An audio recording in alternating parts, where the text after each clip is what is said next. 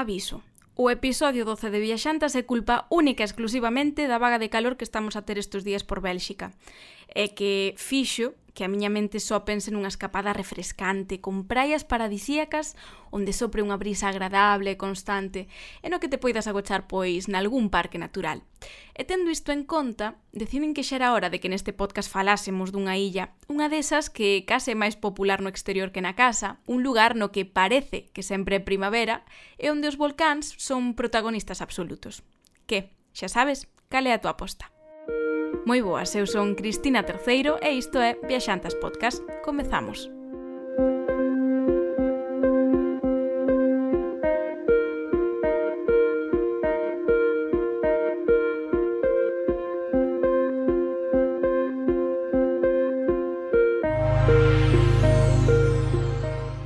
Benvidos e benvidas a Lanzarote, un destino bastante accesible dende Galicia, xa que temos voos directos con varias compañías, por exemplo, dende o aeroporto de Santiago, e iso sempre axuda, non, a hora de decidirte. Dixemos ademais que é a illa da eterna primavera, é o que pasa cando tes 22 graus de temperatura media anual, porque se converte nunha boa opción pois para ampliar as vacacións estivais en calquera mes do ano. Eu visiteina nun contexto único, difícil para o sector turístico local o verán da COVID-19. E digo iso porque este 2021 afrontaremoslo xa cunha porcentaxe importante de poboación vacinada e de seguro será diferente, máis positivo. Pero na miña experiencia de hai case 365 días, case todos os visitantes éramos nacionais, co que isto supón para esta illa que ten como principal cliente os británicos. A cara boa para os visitantes, menos abafos, mellores prezos e maiores facilidades para acceder a case e todo. E debo dicir que esta foi tamén para min a viaxe das aventuras, porque me animei a facer submarinismo e parapente por primeira vez. Queda claro que o confinamento fixo que necesitase darlle algo de adrenalina ao corpo. Enda que de todo iso falaremos un pouco máis adiante. Comecemos polo principio. Música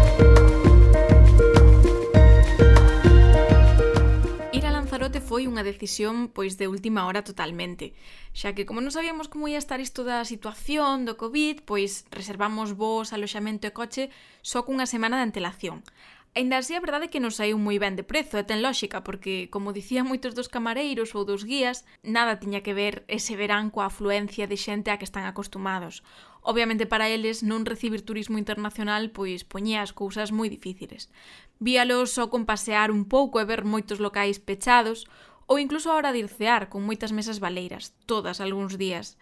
O noso aloxamento estaba en Arrecife, a carón do charco de San Ginés, E o certo é que nos pareceu unha opción ideal, con moitos supermercados ao redor e tamén unha zona de restaurantes e bares a, a un paso. Moi cómodo para, pois iso, ir cear e desplazarse por, por toda a illa, porque ademais queda, pois, eh, como no, no centro, non? O sea, na zona de costa, pero, digamos, nunha zona central da, da illa.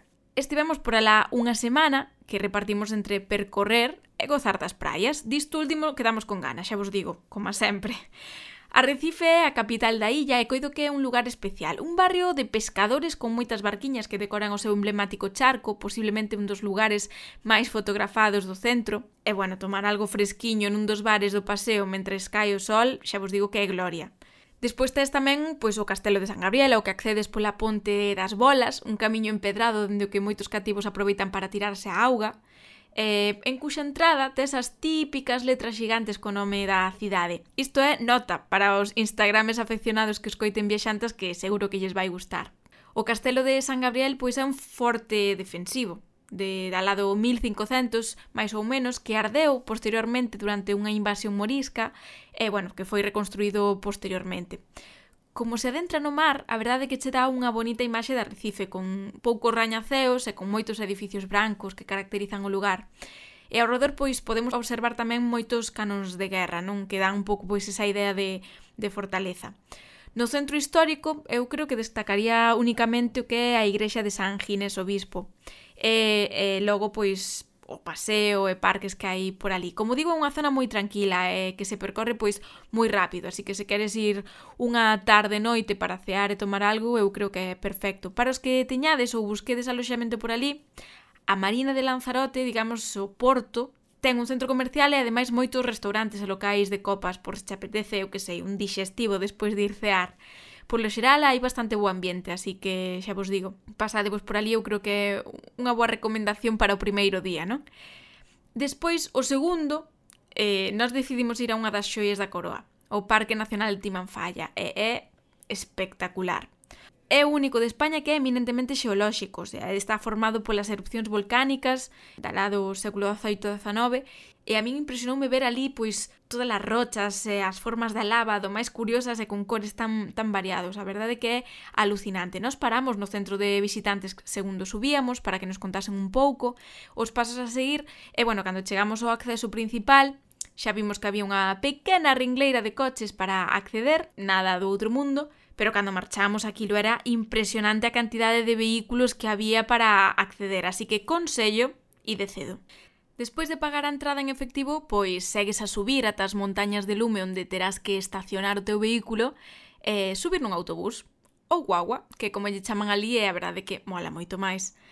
Con el vas a percorrer esas estradas estreitísimas tan peculiares entre os canóns de rocha volcánica, mentres un audioguía pois che explica o que vas vendo. É impresionante, único, maravilloso. Vamos, a min pff, alucinoume, eh, chamoume especialmente a atención o, o fermoso e peculiar que é a Terra, non é as formas que deseñou a, a forza da natureza. E por suposto, pois tamén che inclui unha explicación de todo o que podes facer co poder calórico dese volcán adormecido, porque mm, que lle pasa a un volcán se lle botas auga? Basicamente escúpecha e formase un xenial geyser instantáneo que só as cámaras máis avispadas pois logan capturar dun xeito decente. E se lle botas isca, basicamente prende lume. E que pasa se colles un pouco desa area ou esas sí, arenillas desa pedra que hai no chan? Pois queima, basicamente. Así que nada, un pouco con esas explicacións eh, é o seu xeito tamén de contarche pois algúns dos usos que aínda ten hoxendía, porque na cima desas montañas de lume hai un restaurante eh, que cociña eh, non cun forno eléctrico, non cun forno de leña, senón co calor do, do volcán. Así que nada, seguramente pois te leven non polo medio da cociña para que poidas observar como naquel momento estaban cociñando polo, pero eh, pois cando vayas ti igual é outra cousa. Que chama a atención, non? E diste, ostras, que guai. E, eh, eh, por suposto, as vistas son moi boas. Non sei o prezo, eso sí, porque non me quería comer ali, pero para que saibades que tamén hai esa opción. Pero sigamos camiño cara ao que é o echadero de camellos que lle chaman. No que se te apetece, pois podes dar un paseo a cabalo deles. Ten que ser toda unha experiencia, pero a verdade é que a min deron un pouco de pena eh, desta volta os pobres animaliños e pasei. Igual non era caro, eran 12 euros por parella. Así que se che apetece, se che fai ilusión, se tes curiosidade, xa sabes que é unha opción. Ali tamén hai outro centro pequeno de interpretación no que, bueno, pois podes te facer un pouco unha idea de do que é a, a historia, non? eh, de como vivían os habitantes e de, de todas as cousas que se conservan ali. O que si sí vos teño que dicir é que me gustou tanto a experiencia volcánica que o día seguinte decidimos meternos dentro do cráter dun volcán. E iso é posible grazas aos roteiros de sendeirismo que hai dispoñibles. Nos fixamos o da Caldera Branca, uns 11 km e de volta máis ou menos, que ademais ten unhas vistas xeniais impresionantes do que é o parque. Sinteste como unha formiguiña alo arriba, E ademais ten alicientes porque no medio do camiño podes meterte literalmente dentro da versión pequena do volcán do, do Caldereta. Parece mentira que aquela sexa unha montaña de lume, dormida, na que mesmo se cultivaron alimentos a comezos do século XX. Ainda quedan ali os refuxos dos labregos, eh, porque claro, cando tira o vento, pois tira non había moita xente facendo roteiro, co cal, pois, nós mesmo levamos os bocatas e comémolo alo arriba, cozando da paisaxe e en compañía duns corvos ben feos, debo dicir. Pero bueno, non ten perda porque eh, o camiño está moi ben sinalizado, xa sabedes que, bueno, na illa ás veces a cobertura pois vai e ben, así que nada, simplemente para telo en conta. A min a verdade que me, me gustou moito, sobre todo que é pois subir pola ladeira do, do volcán ata chegar alo arriba, despois ver o impresionante, non daquel buraco Hoxe en día, obviamente, pois non ves nada, non? Porque o que o cráter está, está pechado, ten sedimentos, pero, pero bueno, igual, igualmente é un buraco enorme no medio pois dunha extensión de terreo enorme onde realmente podes apreciar os volcáns, outros volcáns que hai na zona, non? E outra parte interesante desta zona da illa de Lanzarote ten que ver co carnet. É dicir, que conducir é outro dos praceres desta ruta increíble con curvas de película e rectas pois moi interesantes. Eh, por suposto, hai que sempre respetar os límites de velocidade, mmm, dicho alguén que ten o pé pesado. Pero nós despois disto pois seguimos camiño cara a zona del Golfo onde está o Charco Verde, eh, que, bueno, basicamente é pois como unha lagoa ben grande dun color verde, verde, verde fosforito, e que está a escasos metros dunha praia, co cal, pois, é moi chamativa. E sen dúbida, bueno, pois é unha das imaxes máis representativas de, de Lanzarote. A Carón está tamén cheo de lugares para comer, así que se a vos vos cadra, é un lugar perfecto. Eh, porque seguindo esa ruta vas dar xa aos servideros, los servideros que a min gustame describilo como a zona de batalla entre a lava e o Atlántico deixou pois unhas covas e pontes de rocha que hoxendía, cando o mar está bravo, pois son un auténtico espectáculo. De aí o nome, los servideros, polo ruído, polo barullo que fan cando se adentran as ondas do mar nesas cavidades, non? Así que nada, é moi curioso, é gratuito, así que nada, outra das cousas ben recomendables desta zona. O xenial desta ruta é que a propia estrada te vai guiando cara aos lugares turísticos ou destacados. A seguinte parada son as salinas de Janubio, que che permiten, pois, facerte unha idea clarísima de como é todo o proceso non da, da creación de sal eh, a través, eh, grazas á auga mariña. O sal recóllese nos meses máis cálidos, pero ver esas parcelas unha carón da outra de como vai cristalizando, como, como é auga pura ao comezo e como as que están máis eh, cara, cara atrás eh, pois xa son blancas, totalmente blancas, pois é moi chamativo. Podes eh, tamén mercar diferentes produtos nas fábricas que hai ao pé da, da estrada e quizáis o máis característico sexa a flor de sal naquela zona, que é unha forma de sal pura que se recolle pois dun xeito tradicional E sobre todo por contraste térmico entre o día e a noite, non? Que se forma pois unha peliculiña eh, de sal e bueno, eh, non leva pois eh, según din nin, nin aditivos, nin, nin nada máis, nin conservantes.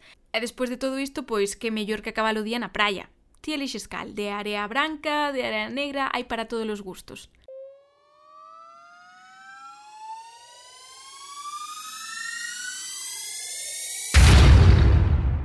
Estás a escoitar un podcast en galego. Para descubrir máis, visita podcalego.agora.gal.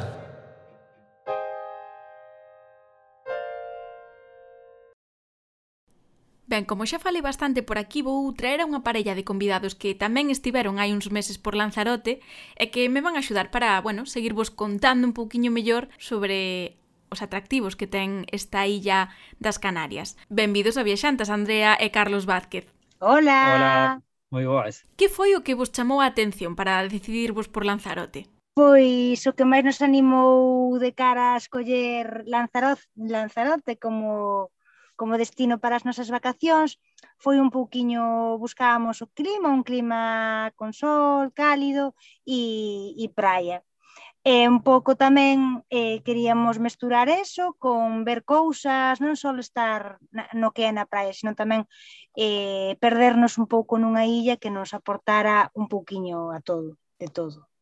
Uh -huh. Sí, eh... fomos un pouco aconsellados pois de que tiña zonas naturales moi moi bonitas para, para visitar e a parte pois do clima pois tamén queríamos coñecer paraísos novos naturales e, e optamos por esa, por esa decisión, por ese, por ese destino. E foi unha das mellores hasta día de hoxe. Ou seja, que cumpriu expectativas, non? Sí. Dende logo que sí.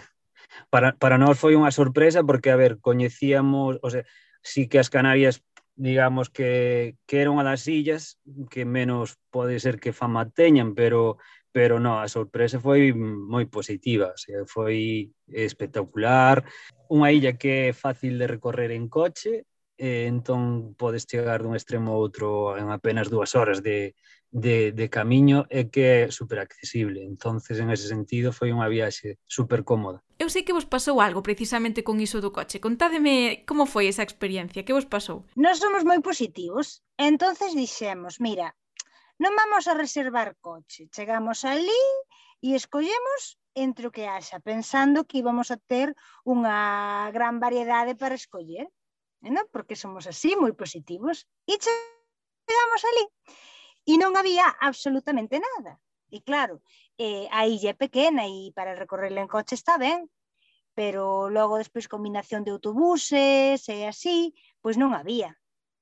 Entón, claro, ese primeiro día xa nos levamos un disgusto porque... Sí, foi unha decepción nesse sí. sentido que non sabíamos como íbamos a, a, a, o sea, todo o que tiñamos plantexado de, de ir a visitar e ao final nos faltaba o coche foi en plan de joder eh, a la vai todos os planes que tiñamos eh, en mente que se van a, ao traste.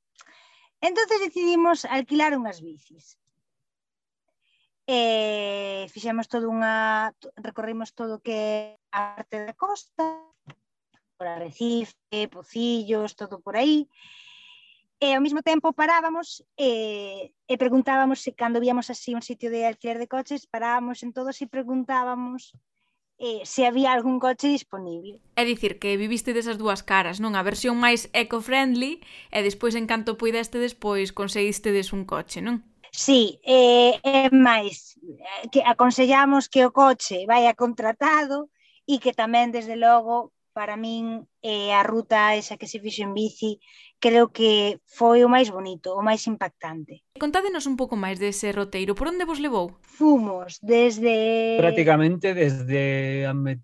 un pouco máis abaixo da metade da illa, sí. máis ou menos, que era onde nos estábamos aloxados, eh, demos chegado prácticamente eh, ao sur eh, e despois logo voltamos cara, cara arriba, cara a parte cara a capital. O sea, foi un recorrido de máis ou menos eh, 30 kilómetros que, bueno, para xente como que non estábamos moito, moi acostumbrados a andar en bici, foron bastante bastante asequibles porque, bueno, prácticamente todo llanear, entonces eh, lévase ben.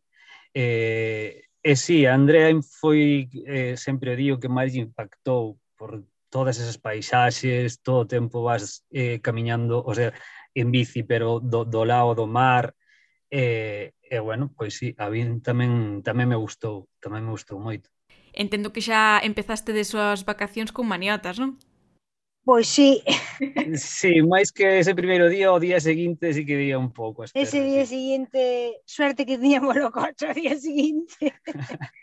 Vos estaba desaloxados na zona de Pocitos. Como é esa parte da illa?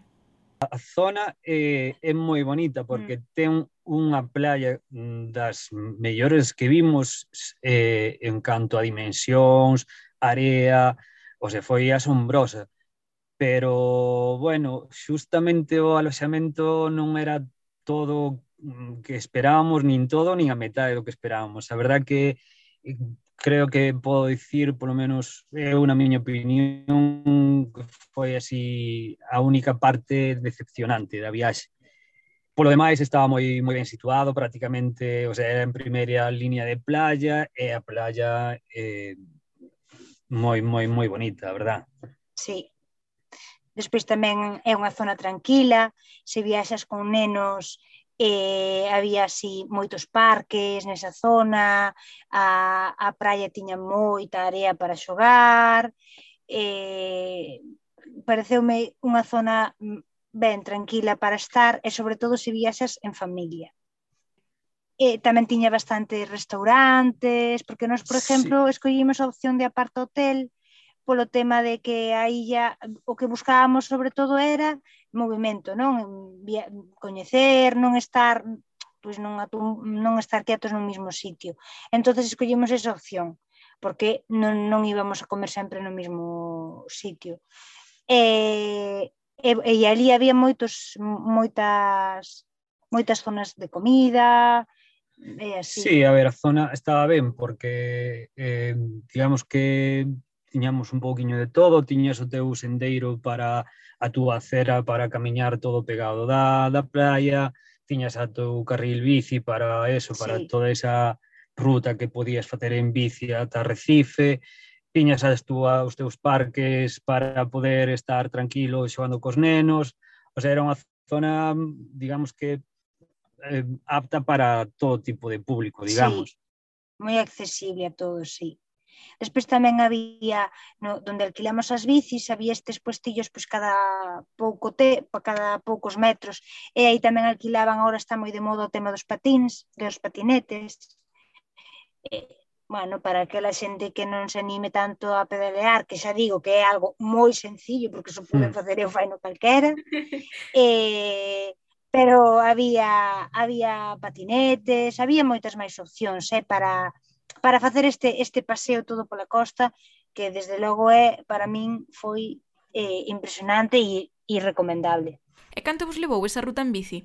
Nos todo o día. Eh. A ver, nos, claro, aquí íbamos parando prácticamente en cada sí. punto que vías así que che, que che... Incluso parábamos, bañábamonos, Sí, así sí, porque había así como calas, como caliñas, non? E víamos algunha que nos gustaba bañar. Claro, íbamos facendo paradas sí. cada pouco trayecto e, eh, eh, mollan, refrescándote, porque eso sí que hai que ir preparado para, para o calor. Para o calor é un calor un pouco incómodo ao mm. principio e tamén así pois o sea, o aire que tamén é incómodo, pero que, que menos mal que o hai porque senón e que te abrasas literalmente. E na bici axuda eh, tamén. Eso, sí, é un pouco incómodo tamén a hora de ir en bici, pois nos, no momento que fas un xiro e así, tes que ter un pouco de cuidado, pero bueno, o sea que, que, que falos faise sin problema.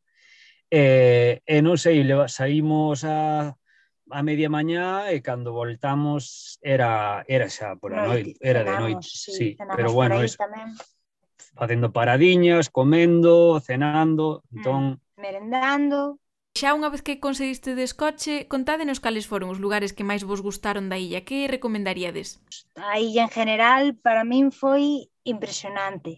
Eu sin dúda o que o que máis me impresionou de todo foi eh, a la cueva de los verdes, porque eh, estar situado nunha galería de un de un volcán e pensar que estaba eh, situado por onde transcurría a lava dun volcán, eso o sea, impactoume, impactoume moito.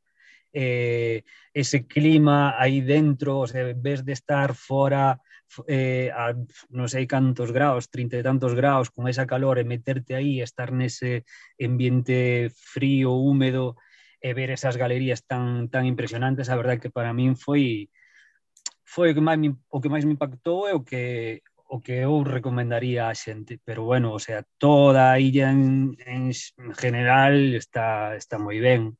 Está o Parque Timanfaya, que tamén é unha das das zonas eh máis reconocidas, eh tamén tamén por suposto que que recomendaría ver como como fan demostracións de como se pode plan, prender o lume pois co calor que, que desprende un volcán, a verdad que tamén, desde logo, que, que o algo... a comida mismo. Algo que, que chama Porque, moita atención. Sí. Totalmente. Despois tamén está Papagaio. A mí foi unha das que máis me eh, gustou, sí. Sí, Papagaio. Sí. Eh, o que máis me gustou de Papagaio foi comer ali hai uns chiringuitos que tens que reservar, sorte porque nos avisaron, e reservamos, se non, non tiñamos onde comer, íbamos, íbamos a pasarnos como, a, como co coche, íbamos ir moi confiados e despois e, e bueno, comer ali desde lá de arriba e ver esa, esa, ese mar, esas vistas. Esas playas paradisíacas. Sí, esa sí Creo que é unha como de película, non? Así que unha desas praias que parecen pois eso, sacadas dunha revista de, eh, de maravillas do mundo. É un deses sitios que eso, que vas a Lanzarote e non podes marchar sin visitar.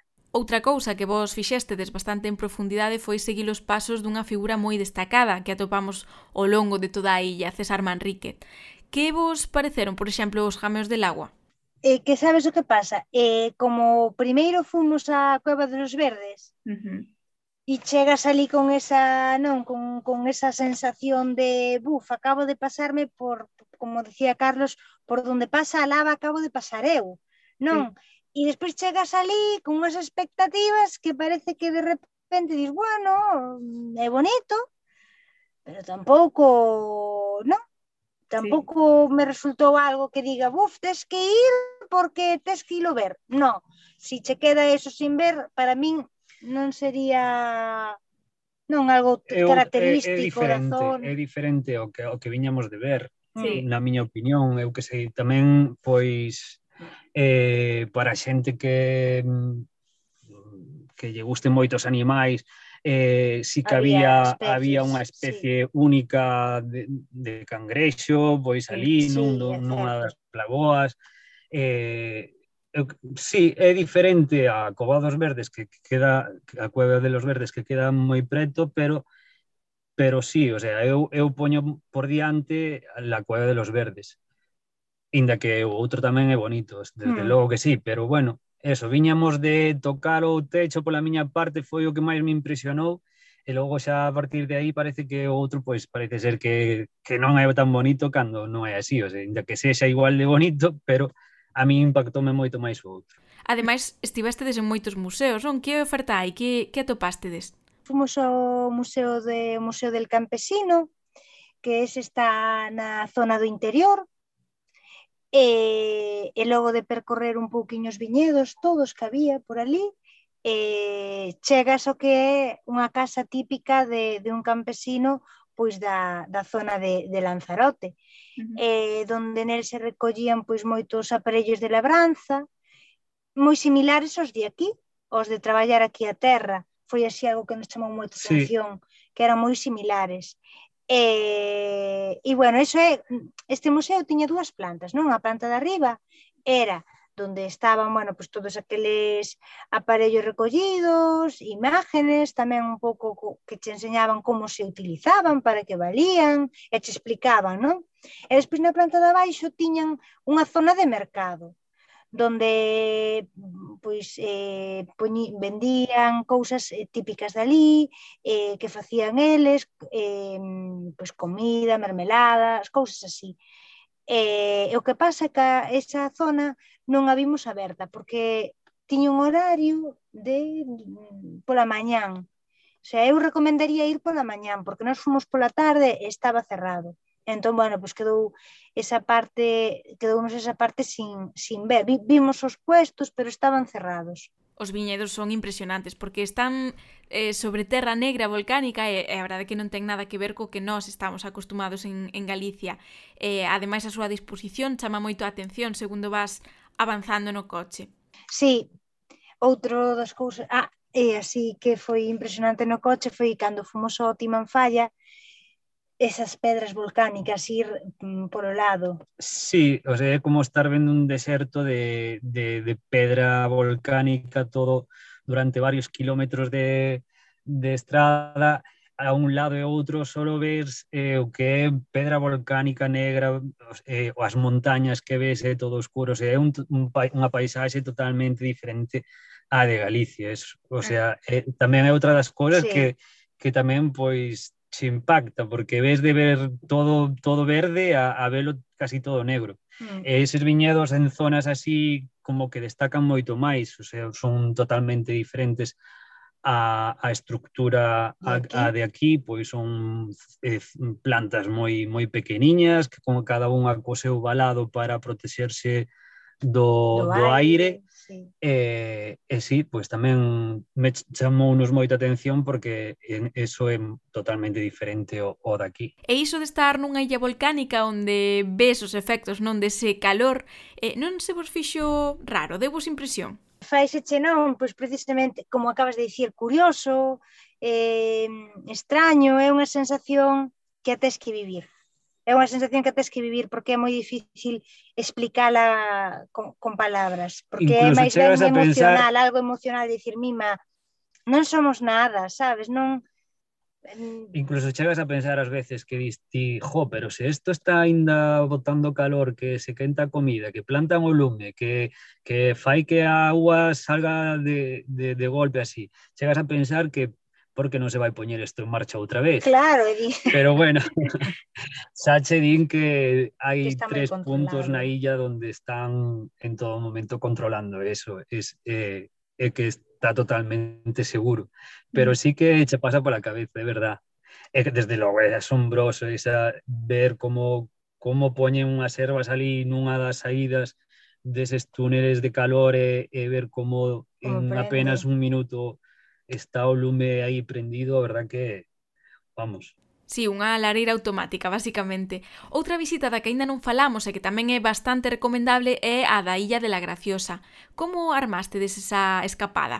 Bueno, en de primeira xa é gracioso que dunha illa te vayas a outra, a outra illa, pero pero ben, ben foi tamén unha, o sea, unha boa decisión porque eh, bueno, eh, faz unha, un viaxiño en barco para acceder a esa, a esa illa de, non sei, pois apenas media hora ou así. Sí, 20 minutos, sí. Eh, e claro, vas polo polo, polo mar, polo mar aberto, aberto totalmente. Entón, é unha viaxe así... Movidita. Sí, o sea, non é, non, non, sí. non é unha viaxe tranquila. Non é ir ás cíes. Pero eh, tamén valeu a pena, o sea, despois basta unha zona apartada, eh, donde parece que, que, que non está, digamos que está ao mellor pois pensas que está máis desaloxada e non ten os seus dous núcleos de poboación donde a teñen pois digamos que tamén ben explotada, podes alquilar as túas bicis, podes eh, facer rutas en, en jeeps para acceder a algunha praia. Eh, Nos fixemos unha, sí. Fixemos unha ruta desas en jeep que prácticamente como facer un rally, un rally eh, sí. tal cual. Que guai. Sí. E iso tivestes que reservalo con antelación ou pudéstelo coller ali no momento? Ali, ali no momento. Ali no momento para o tema do coche eh, máis ou menos tiñas facilidades, pero para que bicis, sí no. que, que era moi, moi, moi difícil, de feito, no. a nosa primeira intención era, era esa. Coller bicis. Era Ser... coller bicis, era, era complicado. E Carlos estaba convencido. Eu cando vin unha peculiaridade desa illa que non vou dicir para que vos animedes a ir, que ten que ver co, co chan, dixen eu aquí mm. bici nin de broma, non estou preparada físicamente. si vas, tes que ou ben ir nun jeep ou, ou alquilar unha bici, porque camiñando de onde te deixa o barco ata onde están as praias máis paradisíacas, por así dicirlo, porque tamén hai unha praia ali no Porto. Uh -huh. Pero bueno, non é o mismo, non? Que colles e vas a unha praia onde non hai absolutamente nada. Nada de nada. Nada. Sí, é como en zonas é como terra virxe totalmente, non? É como Tal estar cual. Sí. Sí. Ben, entonces anotamos como outro dos imprescindibles para facer en Lanzarote. E dende o, el mirador del río, que sí. tamén fomos, eh, hai unhas vistas preciosas da, da illa. Eh, que pasa? Que nós tivemos a mala sorte de que os dous días que fomos eh, había moita niebla. Mm. Entonces, pois non... Sí, che, chegamos a ver a illa, pero imaginala máis ben, porque se vía así unha sombra, pero sí. a niebla era espesa desde ali de arriba do mirador e non, non o dábamos contemplado ben eh, e, e aproveitamos a viaxe del Mirador del Río, porque eso xa queda máis cara ao norte. É o norte de todo. Aí, sí, sí. E aproveitamos para visitar como se chamaban aquelas praias, Calentón.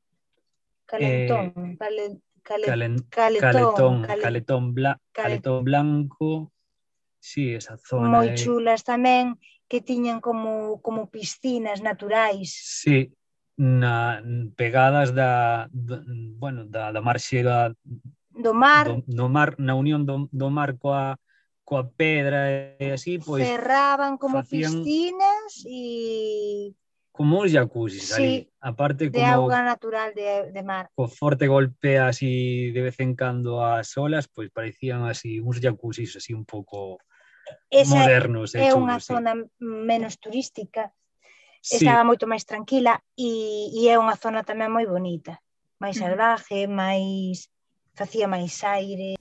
Ben, pois agora queda a pregunta final, a máis difícil. Que foi o mellor e o peor da illa para aquelas persoas que estén aínda indecisas? Pois para min o mellor da illa eh, é que te ofrece moitas alternativas.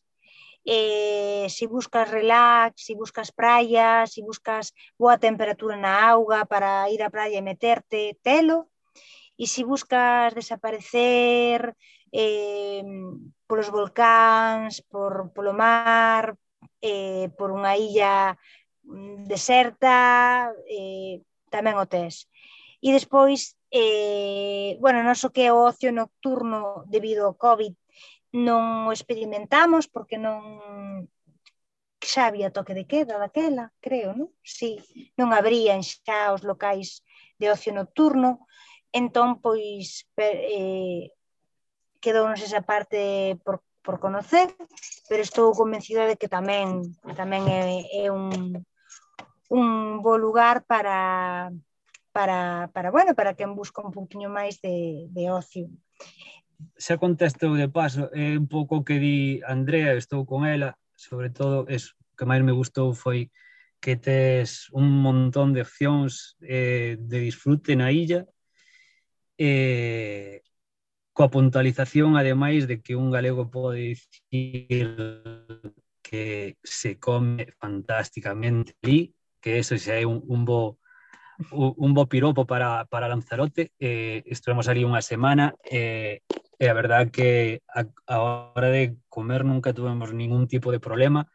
Comida moi rica, moi boa atención eh, eso, que, que foi tamén pois un aporte can, sempre positivo, non? Pois, porque ás veces faz unha viaxe e, inda que todo este moi ben, pois eh, chegas a hora de comer ou de cenar a algún sitio e nunca parece que acertes no, no lugar eh, correcto, pero neste sentido sí, eh, podo dicir que a comida que moi ben en todos os lados.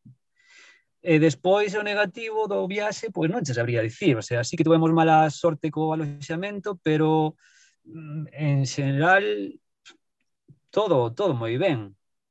Eh, creo que Andrea igual, pois, vou dicir a súa parte negativa, igual foi outra, o, o, o aeroporto, que, que é un pouco pequeno e, e lle daba un pouco de medo, pero non sei, que no, diga ela. Eu pensei que ibas a decir, amigo que me, me gustou de Lanzarote, foi eh, cando fomos a Papagaio, E, eh, ah. claro, aquí vimos acostumbrados da lanzada e pensamos que non vai haber nada máis peligroso que a lanzada.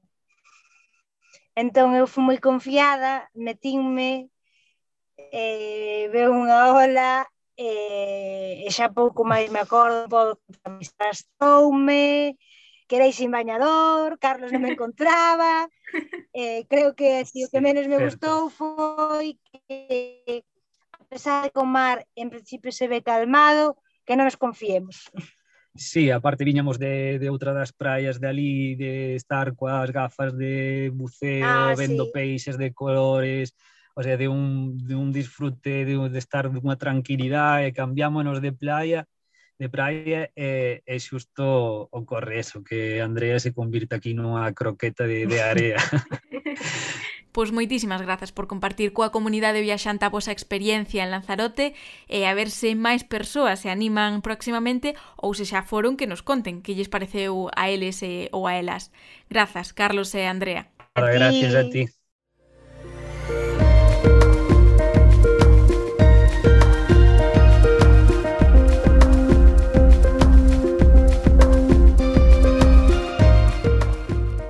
Pois quédanos agora falar dun par de aventuras. Vou comezar por unha experiencia pseudo futbolística.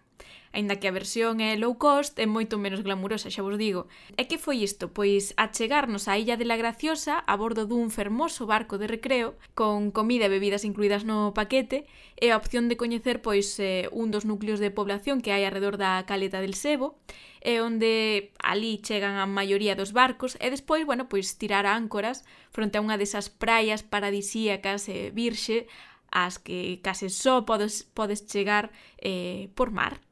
E, bueno, pois ali estivemos boa parte da tarde nadando, tomando sol, eh, comendo, etc. Non estivo mal, eh, pero é certo que non é a mellor maneira de coñecer La Graciosa, porque o tempo que tes en cada unha das paradas é curto e están sempre pois manexados pola compañía.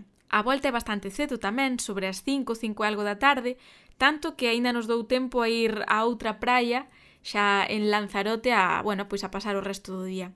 Así que, bueno, aí tedes que mm, valorar que é o que máis vos gusta. Está ben, é algo diferente, algo curioso, pero é certo que se fai que se queda curto quizáis para coñecerla graciosa. Se tedes tempo de sobra, pois igual está ben que piva de las dúas versións. Eh, o de ir a pasear pola illa en sí, a bordo dese jeep que nos mencionaban antes ou en bicicleta, ou tamén con, este, con esta opción de barco.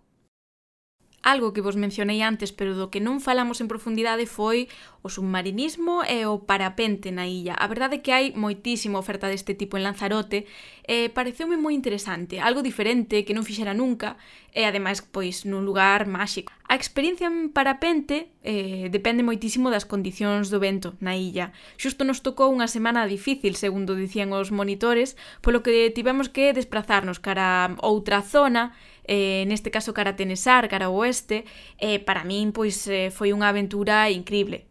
Posiblemente lanzarse ao vacío esa carreiriña inicial para que o parapente colla bo é o máis intenso, non o máis que diste, uf, eh, isto vai ser ben.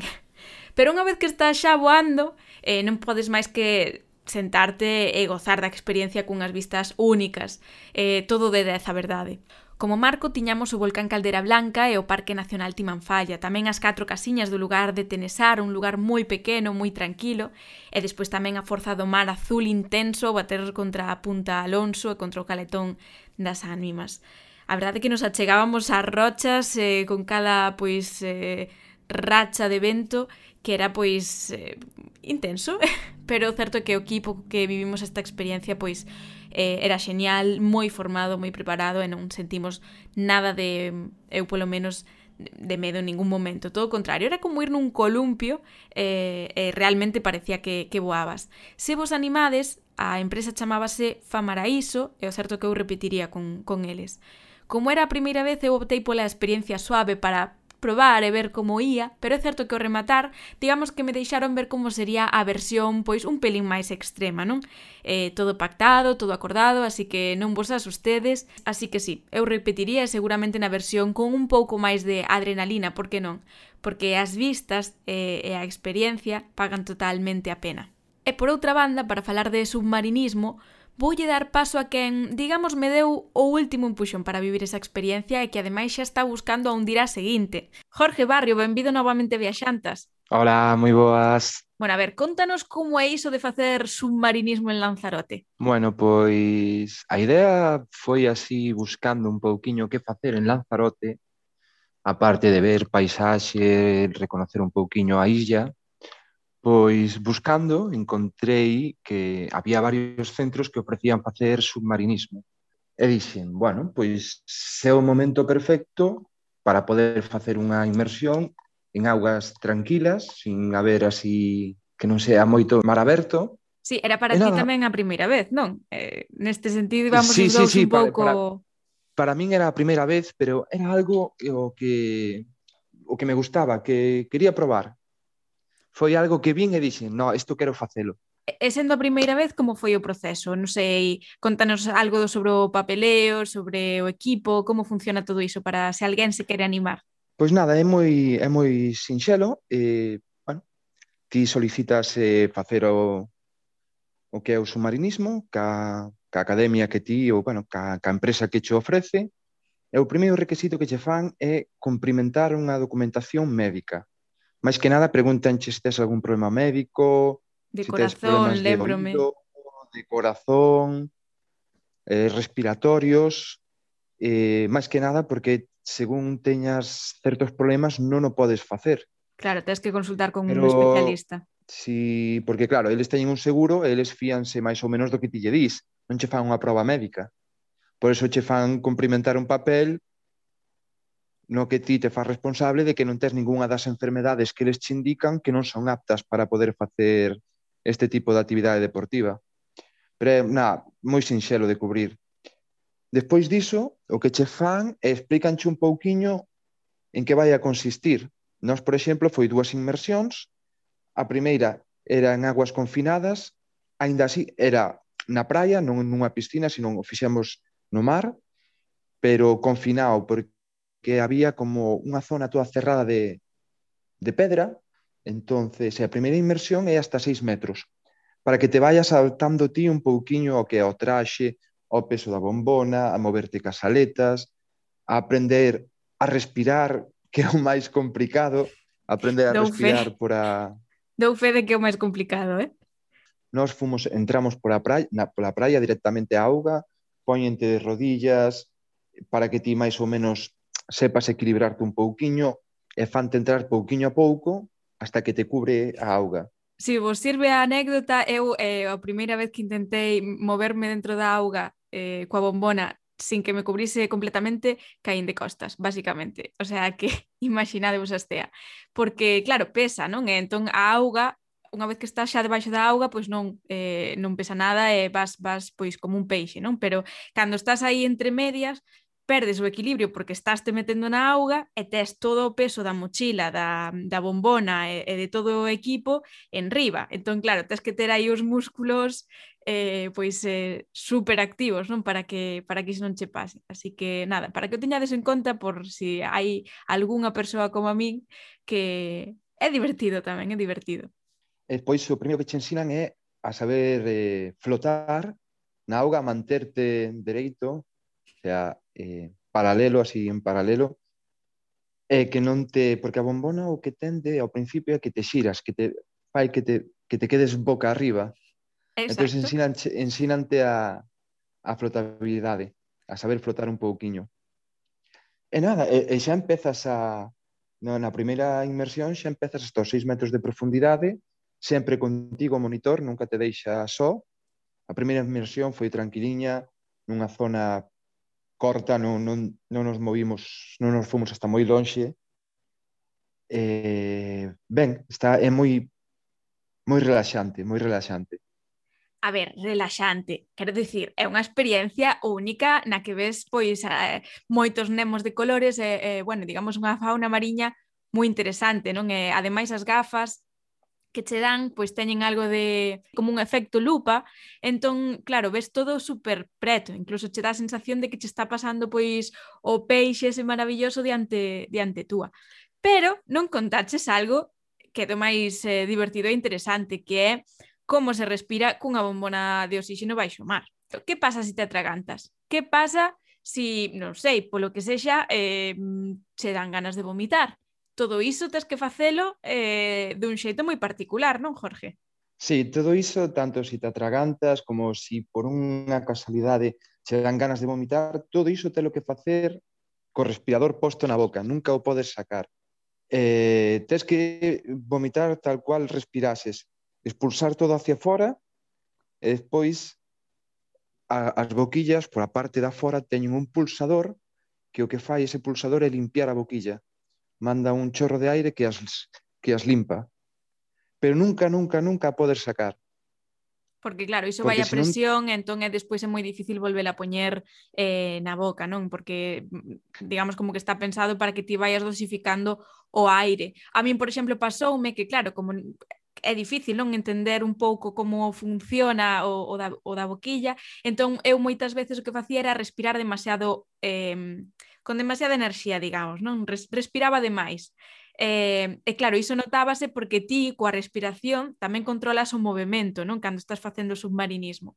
Entón é, é moi interesante ver como, pois iso, os teus pulmóns actúan como se fora un volante ou incluso un globo, non? Eh, que cando, eh, a verdade é que non me lembro moi ben como era, ti, ti lembraste, cando respirabas subías, non? Sí. E cando soltabas o aire fundías. No eh, si eh, para, para baixar, para manterse sempre profundos, tiñas que facer respiracións cortas. Se facías unha respiración moi, moi, moi grande, moi larga, o que faz é encher os pulmóns de aire, entonces o aire pesa menos e faite subir hacia arriba. Entón, aconsellabanche facer respiracións cortas e controladas, porque é iso, que a respiración iba subindo e baixando. Según pois eh, a respiración iba subindo e baixando. Pero bueno, que iso basicamente houve que tese que cando faz estes bautismos, digamos, estes bautizos de eh, submarinismo, normalmente pois iso, sempre vai unha persoa contigo, eh, neste caso tiñamos un monitor para cada un de nós e eh, a verdade que eh, o prezo foi máis barato incluso que o parapente con todo o tempo que, bus que botamos na, na auga, porque foi toda unha mañá. Foron 4 horas. Mm. A experiencia durou 4 horas Porque facías a primeira inmersión, saías a descansar, aí ibas, despois iniciabas a segunda, pero nese descanso ibanche explic, explicabanche como iba a ser a segunda inmersión, porque se ibas baixar hasta os 12 metros, Exacto. ibas duplicar a, duplicabas a profundidade hasta onde baixabas. Contanos como foi, como é iso, que hai debaixo do mar, é dicir, como, como ves ese fondo mariño de, de Lanzarote? Eh, son augas cristalinas, ves perfectamente todo, coincideu tamén que debía ser o día, do que tocámonos co día adecuado, non había correntes, non había nada, non se movía a area pa nada, estaba limpiño todo. E o bo que ves unhas cantidad enorme diferentes de especies de peixes. A verdade é que tuvemos pero... boa sorte. Sí, sí, sí. Despois, ao rematar, explicaronos que se ti fas este curso, en seis meses ti queres sacarte un, un título, sírveche para convalidalo. Se ti podes facer unha experiencia, se che gustou, o bo que tes, É que aparte non tes por que facer na mesma academia. Pode ser en calquera outra parte do mundo porque o que fixemos nós era un SSI que é o, o certificado a nivel o certificado máis importante a nivel mundial para poder bucear. O seguinte que sería o de augas abertas que aí xa podes ir ti cando queiras a bucear sempre con dúas persoas. Mm. Con, te, teñen mínimo teñen que ser dúas persoas. Un só nunca pode ir a facer buceo. Como vedes, Jorge está moi posto no tema e eh, xa está a camiño a facer pois ese curso de, de profesionalización porque de feito está xa mirando para a seguinte experiencia, non? Así que entendo que che gustou. Sí, ahora a seguinte inmersión vai a ser en Galicia. Non sei como explicalo porque che da, cando estás no fondo, una, na primeira non, na primeira inmersión non, porque ao final sempre vas con un pouco de medo, mentras non te adaptas, non te acostumbras un pouquiño a respirar, porque tens que inspirar e exhalar todo pola boca. Non, non podes pretender a nariz. Tens que olvidar de respirar pola nariz, que tamén é algo moi importante. Sí, sí. Pero despois, sí, nas, na segunda inmersión, eso xa, unha vez que te adaptas, xa cambia todo. Xa vas máis tranquilo e, e podes disfrutar máis do que é o, o entorno submarino e aí xa empezas a, a notar esa calma eu para min a experiencia foi que estabas nunha calma absoluta, nunha tranquilidade, non había ruidos ningúns, nisto que non escoitas un só ruido, o único ruido que tes é o das túas burbullas saindo hacia fora, do teu oxígeno que expulsas hacia fora, as burbullas que fai. A xente di meditación, pois eu diría fai submarinismo. Para min sería a relaxación absoluta. Bueno, pois xa sabedes, aí vos queda a recomendación de Jorge.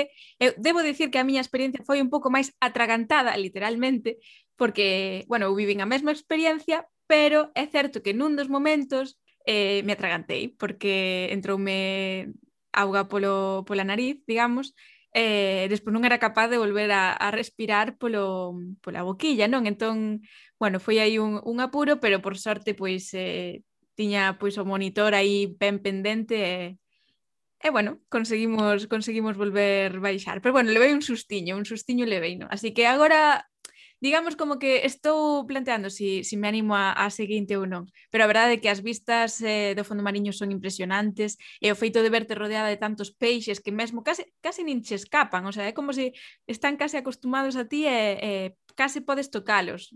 Xa escoitastades a, a Jorge, é unha experiencia única e queríamola compartir neste episodio tamén de de viaxantas eh, sobre Lanzarote. En Galicia hai moita oferta, verdade, Jorge? Así que os que nos escoiten dende a terra, eh, que saiban que sí. poden facelo en moitos puntos de, de Galicia. Eu estou mirando agora para facelo en Galicia, tes desde o norte de Galicia ata o sur, E creo que tamén hai unha versión especial, non? Para as que buscan pois, un, un bautismo nun entorno un pouco máis único, digamos, eh, CIES e ONS, non? Tamén teñen esa opción. Sí, Agora o que imos a facer o máis seguro que se xan as Illas Cíes, porque eu penso que pode ser un lugar eh, espectacular para poder facer submarinismo e ver ver o que hai nas profundidades das nosas gran queridas Illas Cíes. Bueno, pois con isto nos quedamos.